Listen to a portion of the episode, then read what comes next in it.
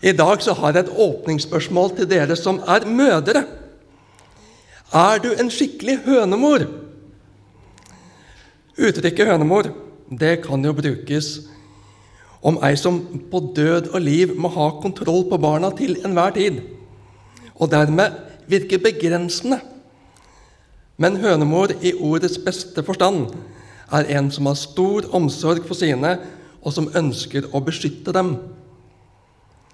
Du ønsker å beskytte barna, verne om dem, skjerme dem fra farer, at de skal være helt trygge. Jeg vil si til deg som har det slik, du er i godt selskap. Gud kaller seg selv en hønemor. Jesus kaller seg sjøl en hønemor. La oss lytte til Guds ord slik vi finner det i Matteusevangeliet kapittel 23, vers 37-39. Vi står.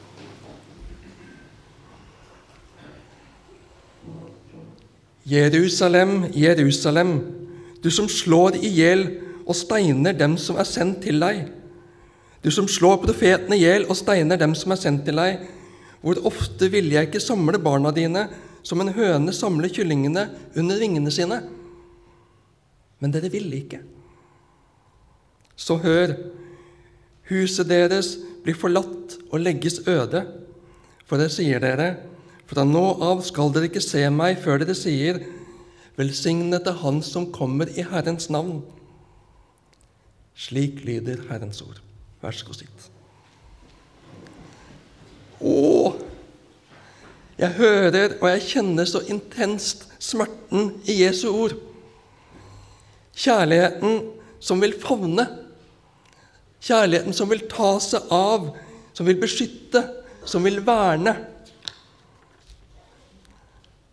Men barna ville ikke. Folka ville ikke. De bryr seg ikke. De enser ham ikke. For en smerte. Jerusalem, byen som huset tempelet, Guds by. Byen som framfor noe symboliserte et sterkt gudsnærvær. Men det er også her flest kamper har stått. Det var her landet falt, og det var her landet ble gjenreist. Det er også her Guds utsendinger, profetene, har møtt størst motstand. Men der var en religiøs elite som fikk makt, og som tok makt, som bygde makt og tradisjon, som sakte, men sikkert beveget seg mer og mer bort fra Gud. De hørte ikke lenger Guds stemme slik som før. Deres egne regler ble viktigere enn Guds ord. Men for all del, der var en enorm fromhetskultur. Flotte seremonier, flotte gudstjenester og møter med høy kvalitet og mye pomp og prakt. Og høytidelig var det og fint. Men når profetene kom, når Guds utsendinger kom for å fortelle hva Gud ville si dem, så ble de avvist. Så ble de tiet i hjel, ja, slått i hjel, for det brøt med det de selv, de religiøse lederne og myndighetene, mente var rett, som fungerte så godt, som opprettholdt ro og orden, og de etablerte mønster og klasser, som gjorde dem viktige, ja, som gjorde folk flest fornøyd. Men Gud var ikke fornøyd. Guds vei var blitt borte. I alt det fromme og flotte og religiøse, ja, i gudstjenestene og de enorme ofringene. Det var skall uten innhold. Ja, religiøst skall, åndelig skall, som ledet bort fra Gud.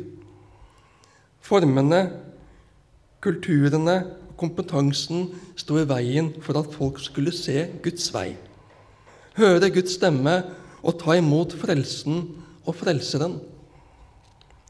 Og Gud skriker i smerte.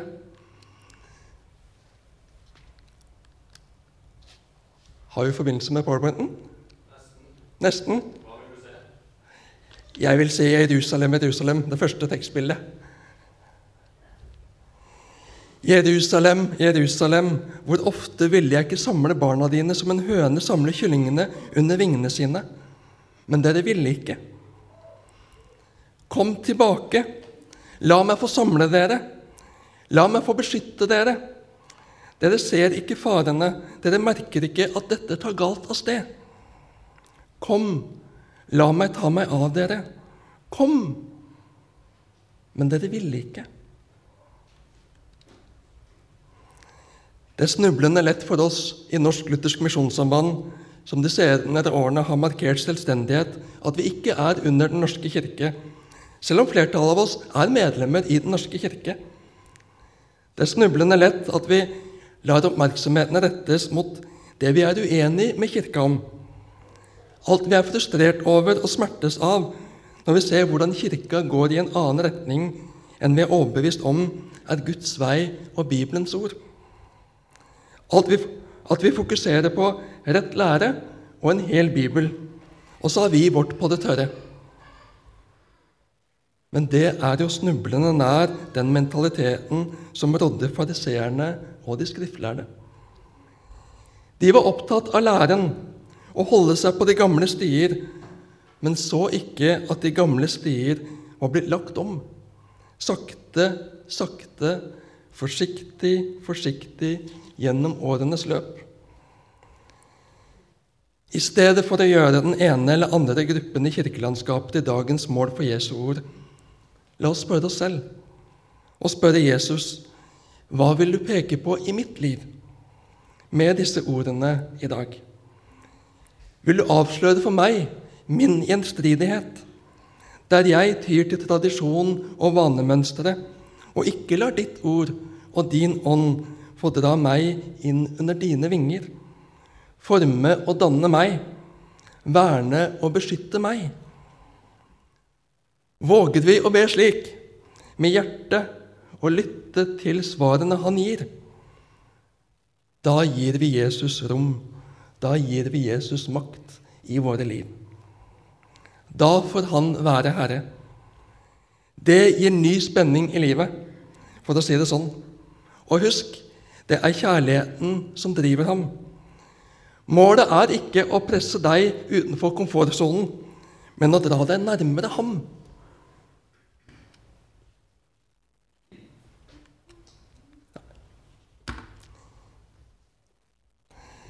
Jerusalem, Jerusalem, du som slår profetene i hjel og steiner dem som er sendt til deg. Hvor ofte ville jeg ikke samle barna dine som en høne samler kyllingene under vingene sine?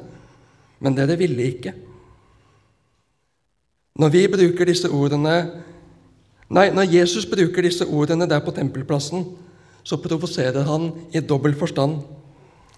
Det er både de harde utfordringene ordene Det er både de harde utfordringene ordene mot folket, som de jo sårt trengte, men som ikke er så lett å ta imot.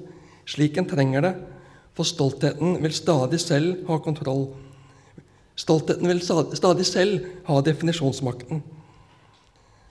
Den som vil leve med Gud, må alltid ydmyke seg, bøye seg under Guds ord og Guds vilje, spørre ham om hans råd, hans vei, hans vilje i dette som jeg står oppi. Og kompetanse, makt og posisjon kan friste oss til å la det etablerte styre på bekostning av denne ydmykheten og sensitiviteten for Guds vilje. Men Jesus provoserer også på en annen måte. Jesus bruker her et bilde som i Gamle Testamentet er brukt om Gud. David ber i Salme 17, Vokt meg som din øyensten, skjul meg i skyggen av dine vinger. Og i Salme 91, 4, under hans vinger kan du søke ly. Han dekker deg med sine fjær. Hans trofasthet er skjold og vern.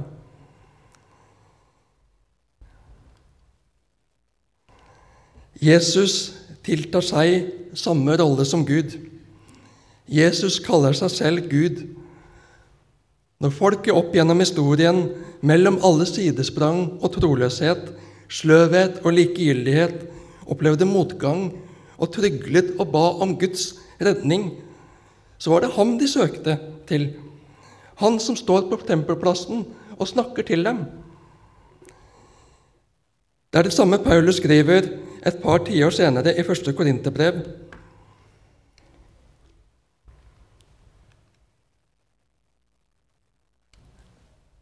Der har vi den. Jeg vil at dere skal vite dette, søsken. Våre fedre i ørkenen var alle under skyen, og alle gikk de gjennom havet. Alle ble døpt til Moses i skyen og i havet, og alle spiste de den samme åndelige mat og drakk den samme åndelige drikk. For de drakk av den åndelige klippe som fulgte dem, og denne klippen var Kristus. Det er ham, det er Jesus, som har vært med dem gjennom hele historien. Det er han som har berget dem gang på gang. Han er Gud. Jesus er Gud, født til jord som et menneske for å bringe frelse, for å bringe nytt liv, for å forsone dem med seg selv. I begynnelsen var Ordet. Ordet var hos Gud, og Ordet var Gud. Han var i begynnelsen hos Gud. Alt er blitt til ved ham. Uten ham er ikke noe blitt til. Han var i verden, og verden er blitt til ved ham, men verden kjente ham ikke. Han kom til sitt eget, og hans egne tok ikke imot ham. Alle som tok imot ham, dem ga han rett til å bli Guds barn, de som tror på hans navn. Slik begynner Johannesevangeliet. Gud kunne ikke sitte stille i sin himmel og se folk gå fortapt. Han har selv grepet inn. Han har kommet ned. Mot alle menneskers gudsforestillinger så stiger han ned, blir som dem, for å berge dem, for å samle dem igjen under sine vinger. Men det er avhengig av at de vil. En diktator kan samle sine med makt. En despot kan true og tvinge til lydighet og innordning, men kjærligheten kan ikke tvinge. Kjærligheten er fri. Det er vårt eget valg om vi vil lytte. Det er vårt eget valg om vi vil tro og ta imot. Gud kaller og nøder sine tilbake til seg. Det er Gud selv de står overfor. Vil de tro det? Vil de ta imot det? Vil de bøye seg for ham og underordne seg ham? La ham favne dem. Når Jesus pirker borti ting i ditt og mitt liv, lar vi ham få lov til det? Lar vi ham ta hånd om det? Eller vil vi gå videre som vanlig, som jeg vil, og som jeg synes passer best for min del?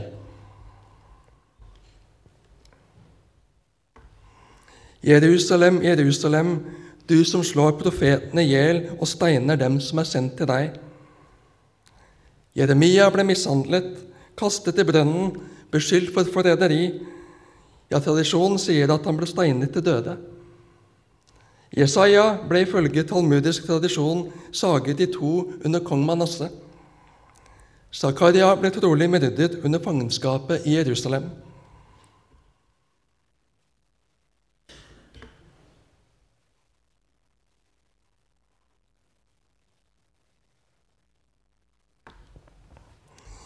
Hvor ofte ville jeg ikke samle barna dine som en høne samler kyllingene under vingene sine? Men dere ville ikke. Så hør, huset deres blir forlatt og legges øde. Også her bringer Jesu ord gjenklang ifra profetene og Gamle testamentet. Jeremia fikk det tunge oppdrag å bringe domsbudskapet til israelsfolket som hadde forlatt Gud og hans vei. Landet skulle gå under, tømmes for alt av verdi. I Jeremia 12,7 så leser vi Jeg har forlatt huset mitt, forkastet eiendommen min, gitt min elskede i fiendens hånd. Og Jeremia 22, 22,5 Men vil dere ikke høre på disse ordene? Da sverger jeg ved meg selv, sier Herren, at dette huset skal legges i ruiner. Og i første kongebok 9,7 leser vi Guds ord til Salomo ved innvielsen av tempelet. Men vil dere ikke høre på disse ordene, da sverger jeg ved meg selv, sier Herren, at dette huset skal legges i ruiner. Jesus lar disse ordene lyde nettopp på tempelplassen. Israels første tempel ble reist av Salomo på 900-tallet og ødelagt av babylonerne i 586 før Kristus. Da det andre tempelet ble bygd, var det under tilskyndelse av profetene Haggai og Zakaria, og arbeidet ble ledet av Serebabel og Josva. Etter stor forsinkelse så sto det ferdig i 516 før Kristus. Dette tempelet ble fullstendig og overdådig restaurert av kong Herodes den store. Han tok fatt på arbeidet ca. år 20 før Kristus, men ombyggingen var fortsatt ikke fullført mens Jesus vandret her på jord. Fullt ferdig står byggingen først i år 64, men det ble stående i bare seks år.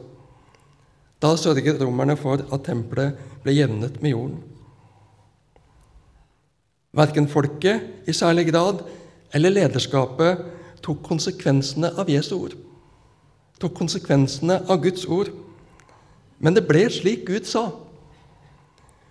Guds ord står fast om det blir trodd eller ikke. Det vil skje. Det vil gå i oppfyllelse. Og I det siste verset i dagens prekentekst sier Jesus For det sier dere, fra nå av skal dere ikke se meg før dere sier, Velsignet er Han som kommer i Herrens navn. Dette uttrykket kan ha blitt brukt av prestene som hilsen når de lovpriste i tempelet.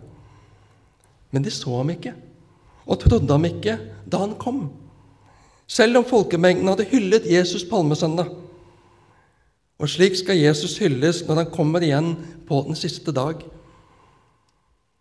I Romerne 9, 2-5, som også inngår i denne dagens tekster, så leser vi Jeg bærer stor sorg i hjertet og plages uavbrutt.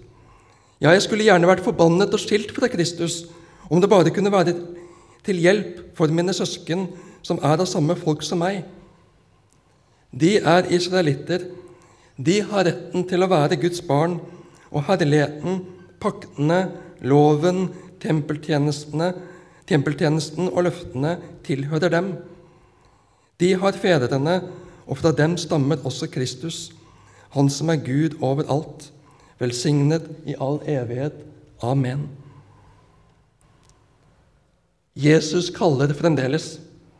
Han står ikke på tempelplassen fysisk som den gang, men han kaller med sitt ord og med sin ånd. Noen får møte Jesus i drømmer og syner, gjennom radio og TV, gjennom misjonærer, utsendinger, naboer som deler sin tro. Det jødiske folk er ikke glemt av Gud, er ikke glemt av Jesus. Han kaller og vil vise seg som den lovede Messias, for alle som vil tro, slik han gjorde da han vandret her på jord.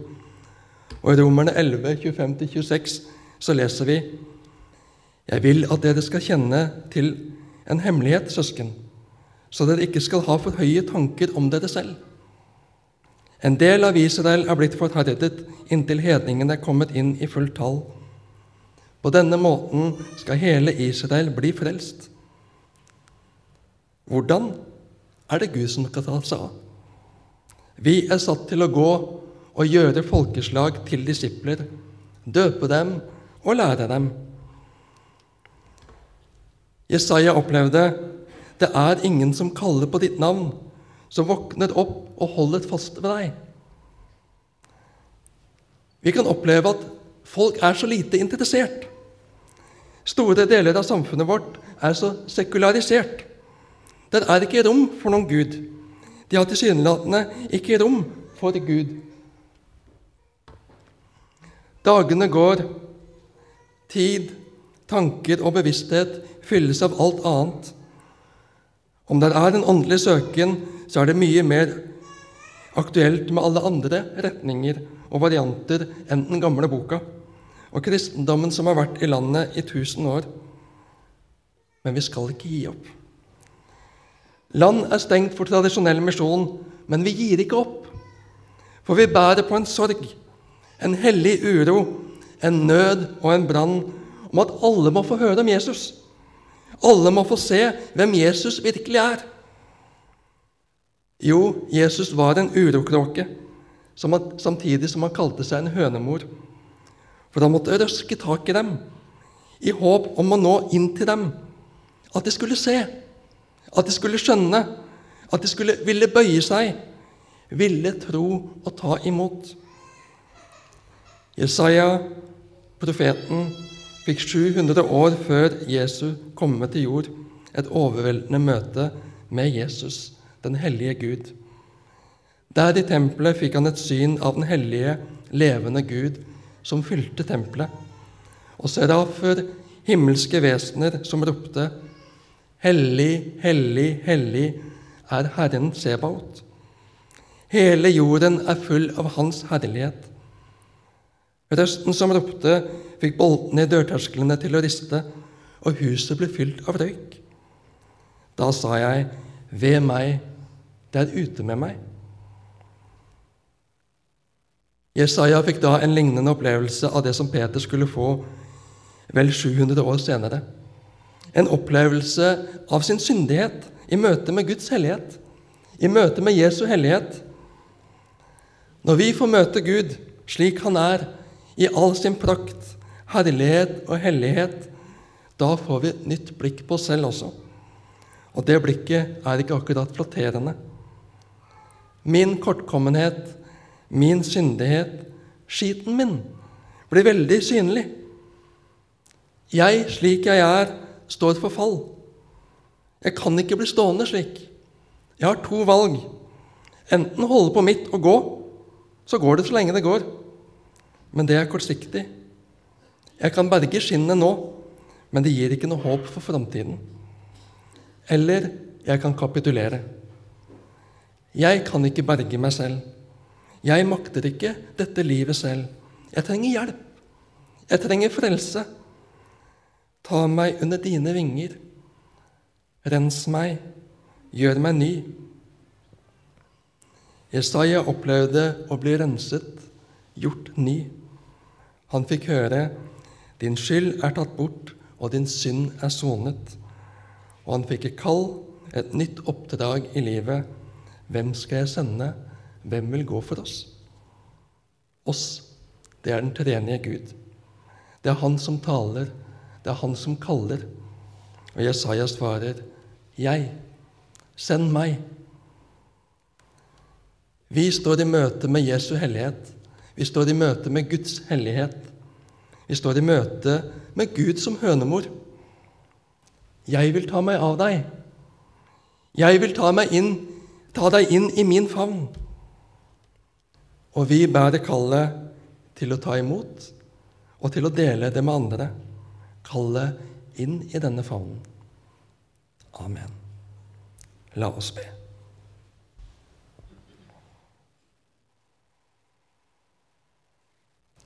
Takk, Far. Takk, Jesus, for din omsorg. Din omsorg. Du er som en hønemor som vil ha oss inn i din favn. Så røsker du iblant tak i oss, vil dra oss ut av vanen, ut av sløvhet, ut av tradisjon, for at vi skal både se oss selv, se mennesker rundt oss, og se deg klarere, så vi kan komme nærmere. Gi oss lydhørhet. Gi oss våkenhet, trygghet til å hvile, så vi kan preges og ledes av deg.